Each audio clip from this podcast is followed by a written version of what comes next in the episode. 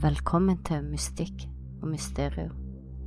I dagens episode reiser vi tilbake til 1959, hvor en russisk ekspedisjonsgruppe dør på mystisk vis på vei over de snøkledde fjellene i Sibir.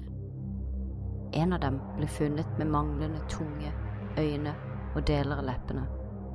Det er snart 60 år siden, og ennå har ingen klart å finne svar på hva som faktisk skjedde med de erfarne turgående.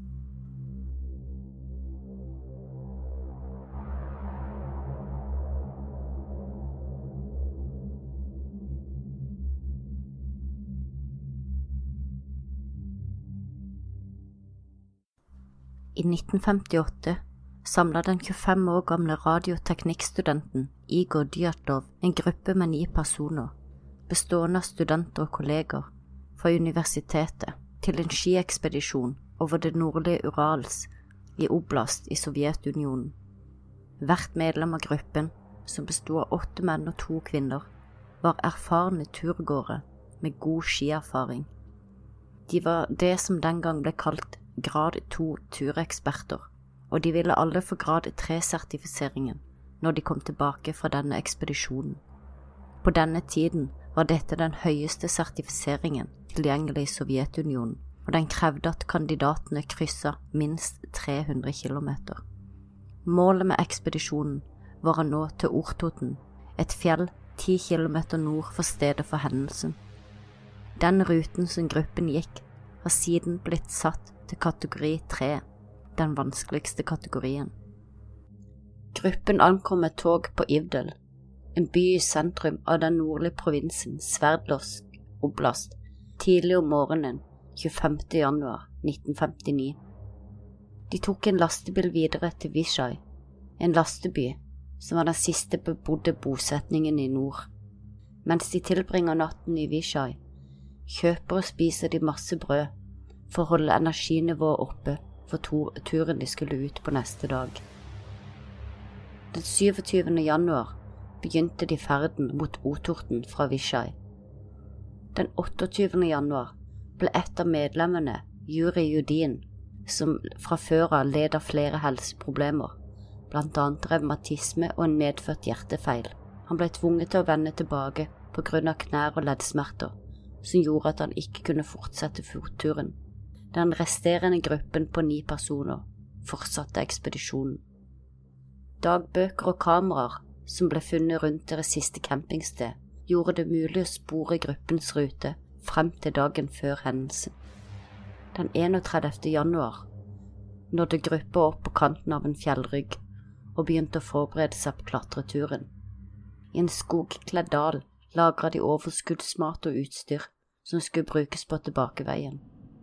Den påfølgende dagen, 1. februar, begynte turgruppen å bevege seg gjennom passasjen. Det ser ut til at de planla å komme over passet og gjøre leir for neste natt på motsatt side, men på grunn av forverra værforhold, snøstorm og synkende syn, mista de retningen og avvikla og gikk mot vest, opp mot toppen av Kolat Sjakkel. Da de skjønte feilen deres, bestemte de seg for å stoppe og sette opp leiren der på fjellet i stedet for å flytte 1,5 km nedover til et skogkledd område som ville ha tilbudt bedre ly fra elementene. Judin, som hadde avbrutt ekspedisjonen, mente at grunnen til at de satte leiren der, var fordi Dyatlov ville sannsynligvis ikke miste den høyden de hadde oppnådd, eller han bestemte seg for å trene på fjellet. Før avreisen hadde Dyatlov blitt enige med idrettsforeningen sin om at han ville sende et telegram til dem så snart gruppen kom tilbake til Vishai. Det var forventa at dette skulle skje senest 12. februar, men Dyatlov hadde fortalt Judin, før han ble avvikla fra gruppen, at han forventa å bli værende lengre. Da den 12. februar kom og gikk og ingen meldinger var mottatt, var det ingen som umiddelbart reagerte da forsinkelser på noen få dager var vanlig med sånne ekspedisjoner men så reagerte familien, og en redningsoperasjon ble igangsatt den 20. februar. Instituttets leder sendte ut de første redningsgruppene, som besto av frivillige studenter og lærere. Litt senere ble både hæren og militsastyrkene involvert med både fly og helikoptre som kunne bli med i redningsoperasjonen. 26. februar fant den ene redningsgruppa ekspedisjonens forlatte og skadede telt på Kollads Jakkel. Campingstedet forvirra redningsmannskapet. Mikael Sjaravin, studenten som fant teltet, sa teltet var halvt revet og dekket av snø. Det var tomt, og hele gruppens eiendeler og sko var blitt etterlatt. De sa teltet var blitt kutta åpent med kniv fra innsiden. Åtte eller ni sett med fotavtrykk, etterlatt av personer som hadde på seg bare sokker, en enkelt sko eller til og med barfot, kunne følges, som førte ned mot kanten av en nærliggende skog, på motsatt side av passet, ca. 1,5 kilometer mot nordøst. Sporene tydet på, at de hadde gått rolig og kontrollert etter hverandre vekk fra teltet, men etter 500 meter var disse sporene dekket av snø. Ved skogens kant, under et stort sedertre, fant letemannskapet synlige spor av en liten brann, sammen med de første, to første kroppene. Det var Krivonisjenko og Dorosjenko, skinnfrie og kledd kun i undertøyet. Grenene på treet var knekt opp til fem meters høyde, noe som tyder på at en av dem hadde klatra opp for å lete etter noe, kanskje leiren. Mellom sedertre og leire fant søkerne tre lik til. Dyatlov, Kolmogorova og Slobodin, som synes å ha dødd i posisjoner som tyder på at de forsøkte å returnere tilbake til teltet. De ble funnet separat med avstander på 300, 480 og 630 meter fra treet. Søket etter de resterende fire fra ekspedisjonen tok mer enn to måneder. De ble endelig funnet den 4. mai, under fire meter med snø i en kløft 75 meter lenger inn i skogen fra sedertreet. Disse fire var bedre kledd enn de andre, og det var tegn på at de som først hadde dødd, hadde tilsynelatende gitt sine klær til de andre. Solotarjov hadde på seg Dubininas fokspelsjakke og lue, mens Dubininas fot ble pakka inn i et stykke av Krivonisjenkos ullbukser. En juridisk etterforskning starta umiddelbart etter å ha funnet de første fem kroppene. En medisinsk undersøkelse fant ingen skader som kunne ha ført til deres død, og det ble til slutt konkludert med at de alle hadde dødd av hypotermi. Slobodin hadde en liten sprekk i hodeskallen, men det var ikke et dødelig sår. En undersøkelse av de fire kroppene som ble funnet i mai, skifta retningen i etterforskningen om hva som hadde skjedd under ekspedisjonen.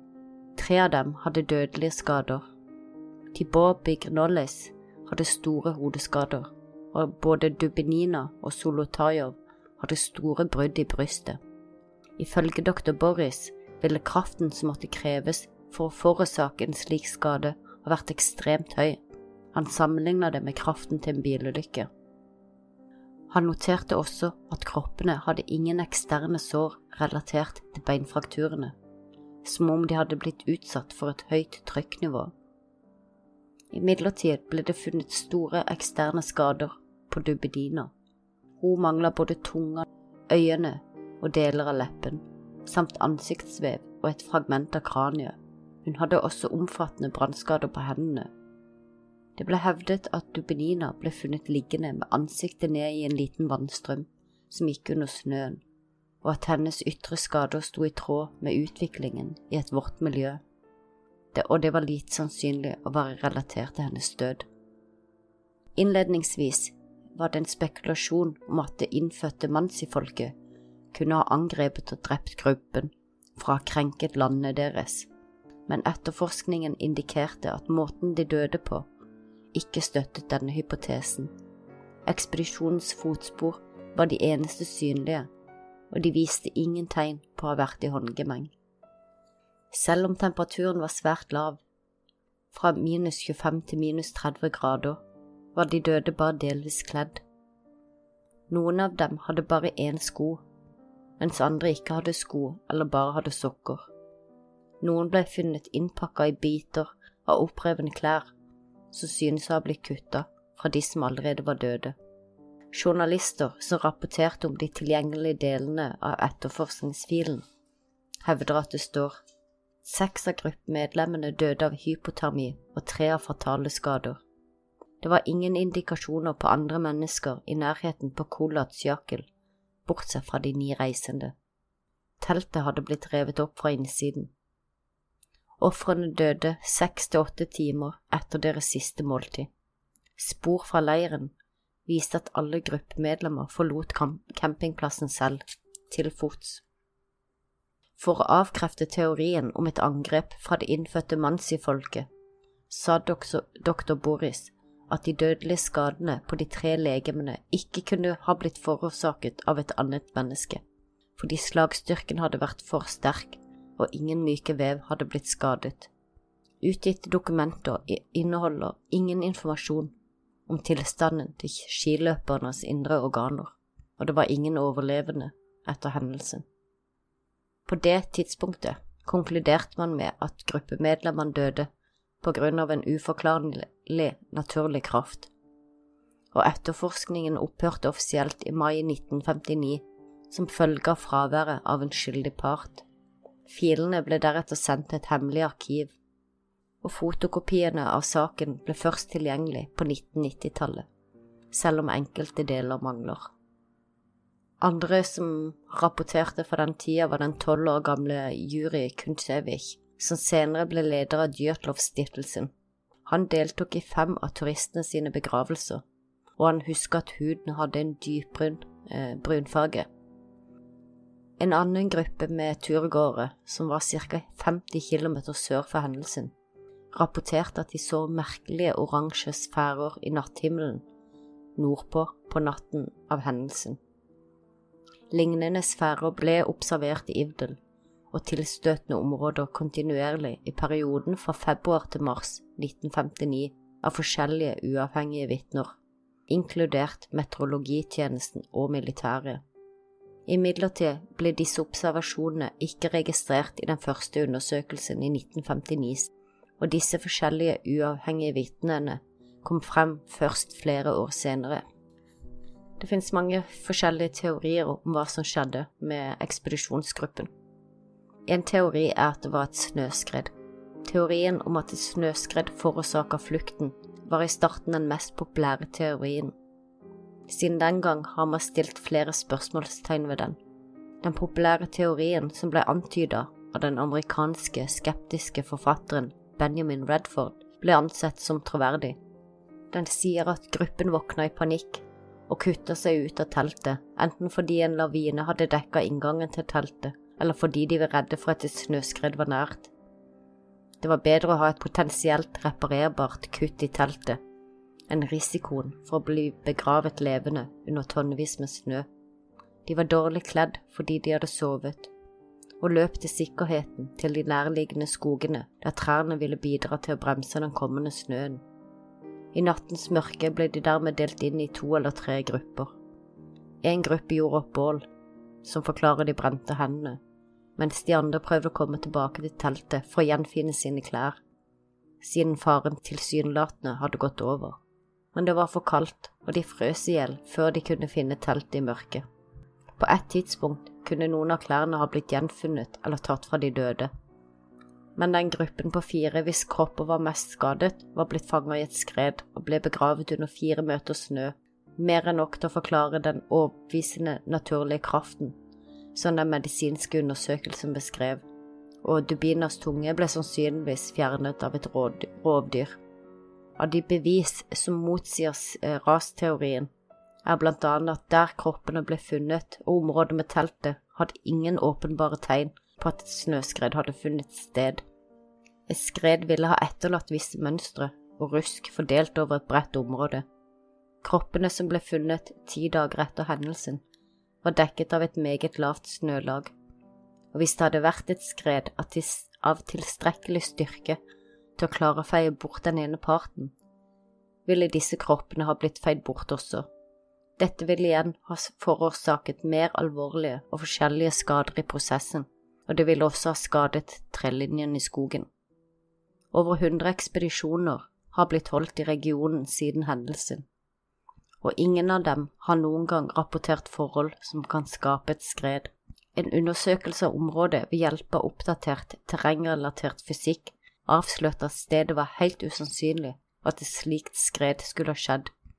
De farlige forholdene funnet i et annet nærliggende område, som hadde betydelige brattere skråninger og kroker, ble observert i april og mai, da vinterens snøfall smelter. I februar, da hendelsen skjedde, var det ingen slike forhold. En analyse av terrenget, skråningen og hellingen indikerer at selv om det kunne ha vært veldig et veldig spesielt snøskred som omgår alle kriterier, ville banen til skredet omgått teltet. Det hadde da kollapsa sideveis, men ikke horisontalt. Dyatlov var dessuten en erfaren skiløper, og den mye eldre Aleksandr Solotarjov studerte sitt eh, mastersertifikat i skiinstruksjon og fjellvandring. Ingen av disse to mennene ville ha slått leir i veien for et mulig skred. En annen hypotese som ble gjort populær av Donny Akers 2013-bok Dead Mountain, er at vinden som går rundt Holachahal-fjellet, opprettet en Karman Vortex Gate, som kan produsere infralyd som kan forårsake panikkanfall hos mennesker. Ifølge Eichers teori var infralyden som ble generert av vinden, som passerte over toppen av Lohocha-fjellet, ansvarlig for å forårsake fysisk ubehag og mental nød for ekspedisjonens medlemmer. Eikjar hevder at på grunn av panikk ble de drevet til å forlate teltet umiddelbart og flykte nedover bakken. Da de var lenger nedover i bakken, ville de ha vært ute av infralydens sti og ville ha følt seg normal igjen, men i mørket klarte de ikke å finne veien tilbake til teltet. De traumatiske skadene som rammet tre av ofrene, var et resultat av at de snubla over kanten av en kløft i mørket og landet på steinene i bunnen. Noen tror at det var en militærulykke som ble dekka over av myndighetene.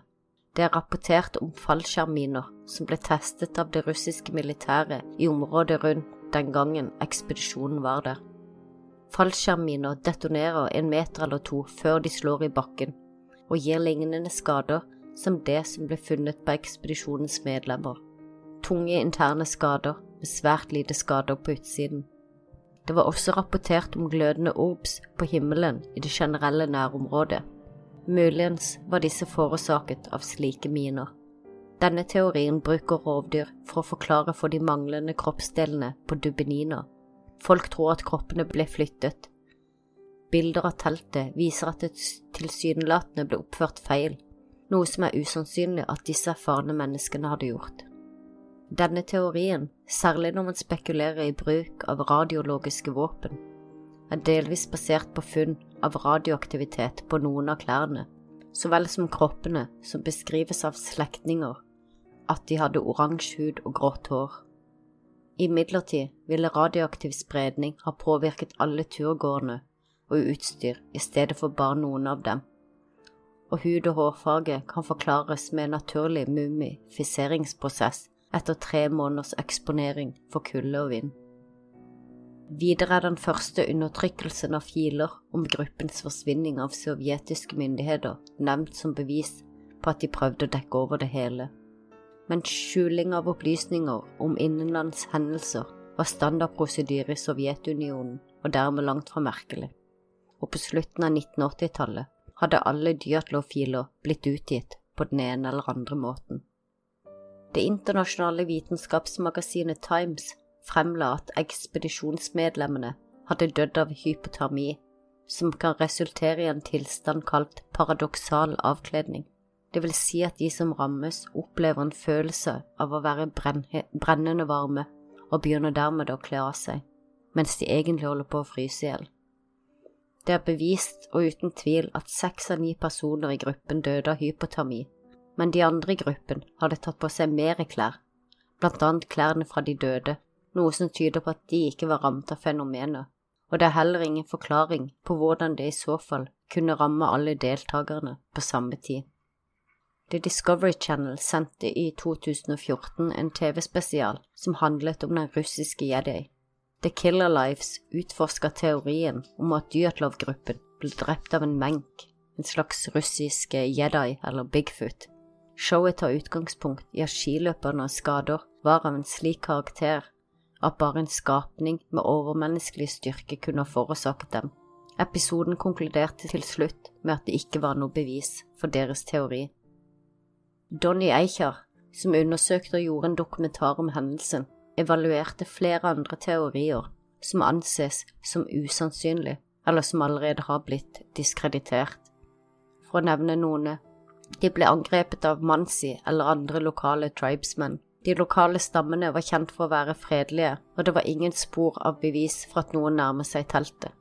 De ble angrepet og jaget av dyreliv. Det var ingen dyrespor, og gruppen ville ikke ha forlatt sikkerheten i teltet. Høy vind blåste et medlem unna, og de andre forsøkte å redde personen. En stor erfaren gruppe ville ikke ha oppført seg slik, og en vind som var sterk nok til å blåse bort folk med en slik kraft, ville også ha blåst bort teltet. Et argument, muligens knytta til et romantisk møte, som forlot noen av dem bare delvis kledd, førte til en voldelig tvist. Om dette antyder Eicher at det er høyt usannsynlig. Ved alle indikasjoner var gruppen stort sett harmonisk, og seksuell spenning ble begrenset til platonisk flørt. Det var ingen eh, narkotiske stoffer til stede, og den eneste alkoholen var en liten flaske med medisinsk alkohol, funnet intakt på stedet. Gruppen hadde til og med lagt fra seg sigarettene til fordel for ekspedisjonen. Videre kunne en kamp ikke ha forlatt de massive skadene som kroppene hadde lidd. En annen teori er at det utviklet seg en ulmebrann i teltet. På bildene fra ekspedisjonen kan man se en ovnspipe stikke ut fra teltet. Da denne ble montert ned, ble det liggende igjen en trebit eller kullbit som siden glødet opp. Det ble røykfullt i teltet, og de kuttet seg til slutt ut av teltet i panikk og løp ut da de trodde teltet hadde tatt fyr. Det forklarer hvorfor de ikke har noe nok klær på seg og så har de ikke klart å finne tilbake i mørket, forsøkt å lage bål, og kanskje splitta vei for å finne tilbake til leiren. Det forklarer derimot ikke fotsporene som viser at de har gått rolig i ordna følge bort fra teltet, ingen paniske løpespor som er naturlig å tenke ville vært der om de løp fra et brennende og røykfylt telt. Det er ingen som med sikkerhet kan si hva som skjedde med de ni turgående, men historien lever videre, og kanskje en dag kan noen klare å finne svaret.